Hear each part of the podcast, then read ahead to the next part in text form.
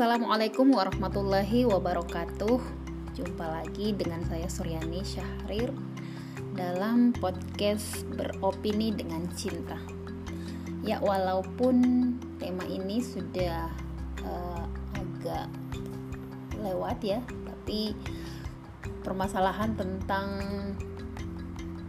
uh, eh, PJJ ini masih terus mengemuka. Ya, uh, sekarang kita akan membahas tentang dilema uji coba sekolah tatap muka. Setahun lebih pembelajaran jarak jauh telah berlalu. Tarik ulur berbagai kebijakan seputar dunia pendidikan terus berlangsung. Di tengah pandemi yang belum melandai, pemerintah Sulawesi Selatan berencana melakukan uji coba terbatas sekolah tatap muka per awal April. Apakah keputusan ini adalah pilihan tepat atau malah hanya menambah kepelikan hidup hari ini? Dilansir dari Makassar inews.id 7 April 2021. Tiga sekolah menengah atas di Kota Makassar, Sulawesi Selatan menggelar uji coba belajar tatap muka pada Jumat 9 April 2021. Pembelajaran baru mulai aktif pada Senin 11 April 2021.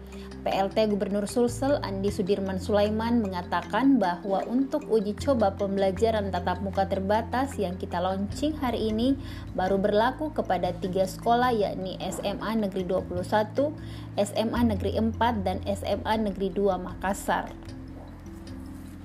Tarik ulur kebijakan terkait pembelajaran di masa pandemi sudah berlangsung sejak awal masuknya virus ini ke Indonesia. Beberapa wilayah yang dianggap aman sudah memperlakukan sekolah tatap muka di awal tahun 2021. Makassar sendiri baru akan memulai per 11 April, itu pun terbatas pada tiga sekolah. Sebagian masyarakat merasa was-was mengingat Makassar adalah salah satu daerah dengan risiko cukup tinggi. Perkembangan pasien COVID-19 dari data Badan Nasional Penanggulangan Bencana per 15 April 2021 terlihat provinsi dengan angka penambahan pasien terkonfirmasi terbanyak yakni DKI Jakarta, selanjutnya Jawa Barat, Jawa Tengah, Jawa Timur, Riau, Kalimantan Selatan, dan daerah istimewa Yogyakarta. Sementara Sulsel di angka 93 pasien dari data pasien terkonfirmasi selama April 2021 di angka 1.388 pasien dengan rata penambahan pasien COVID-19 di angka 92 pasien per hari. Makassar.tribunnews.com 15 April 2021 Melihat data yang masih terbilang cukup tinggi di beberapa wilayah termasuk Makassar, Kebijakan sekolah tatap muka tentu harus dipikirkan dan dianalisis secara cerdas. Faktor kesehatan jangan sampai menjadi ajang coba-coba hanya karena desakan publik dan berbagai kepentingan terselubung lainnya. Mencermati kondisi generasi hari ini akan ditemui segudang permasalahan dan kerusakan. Dunia digital dengan minimnya penguatan akidah dalam keluarga dan support sistem yang lemah membuat semuanya menjadi ambiar. Jika kita ingin viewer melihat bahwa kerusakan yang terjadi terkhusus pada dunia pendidikan bukanlah perkara baru. Akumulasi kegagapan regulasi memberi andil besar bagi kegagalan pencapaian generasi yang unggul dan bertakwa, melenceng jauh dari tujuan pendidikan nasional. Lost generation yang menjadi kekhawatiran banyak pihak juga menjadi alasan pemberlakuan PJJ ini kondisi pandemi dengan angka terkonfirmasi yang belum melandai di banyak wilayah membuat beberapa instrumen evaluasi peserta didik yang sudah diagendakan terancam batal. Asesmen nasional tahun ini yang dari awal dirancang menggantikan ujian nasional pun terancam tidak dilakukan. Peta jalan menuju terwujudnya generasi emas 2045 tepat saat memperingati HUT RI ke-100 sepertinya hanya akan menjadi impian semata Pandemi COVID-19 yang sudah meluluh lantakan berbagai aspek membuat kondisi semakin sulit.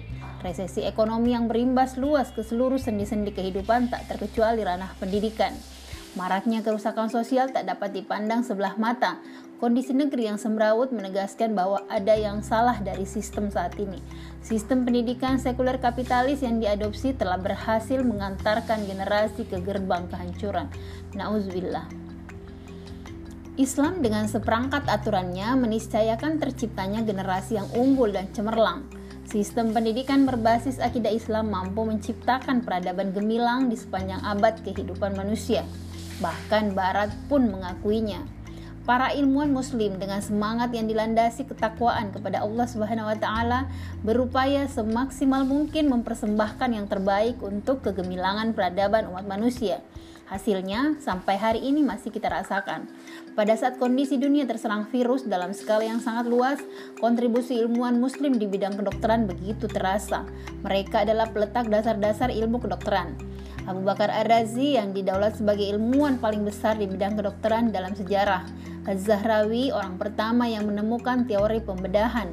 Ibnu Zina orang pertama yang menemukan ilmu tentang parasit dan mempunyai kedudukan tinggi dalam dunia kedokteran modern dan masih banyak lagi yang lain. Intelektual muslim berhasil mencapai keunggulan tidak hanya dalam bidang sains, namun juga fakih dalam bidang agama. Kolaborasi yang sangat luar biasa menghasilkan generasi pembangun peradaban mulia dan agung. Semua hal tersebut dihasilkan dari penerapan sistem pendidikan Islam yang disupport penuh oleh negara.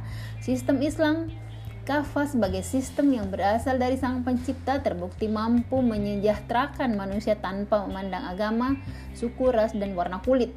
Amanah sebagai seorang penguasa mendijalankan berdasar atas ketakwaan kepada sang khalik. Alhasil, jika Indonesia ingin hidup dalam keberkahan dan ketentraman, maka peran negara harus dikembalikan sesuai hukumnya, sebagaimana dalam Quran Surah Al-A'raf ayat 96, yang artinya, dan sekiranya penduduk negeri beriman dan bertakwa, pasti kami akan melimpahkan kepada mereka berkah dari langit dan bumi. Tetapi ternyata mereka mendustakan ayat-ayat kami, maka kami siksa mereka sesuai dengan apa yang telah mereka kerjakan. Wallahu a'lam bishawab.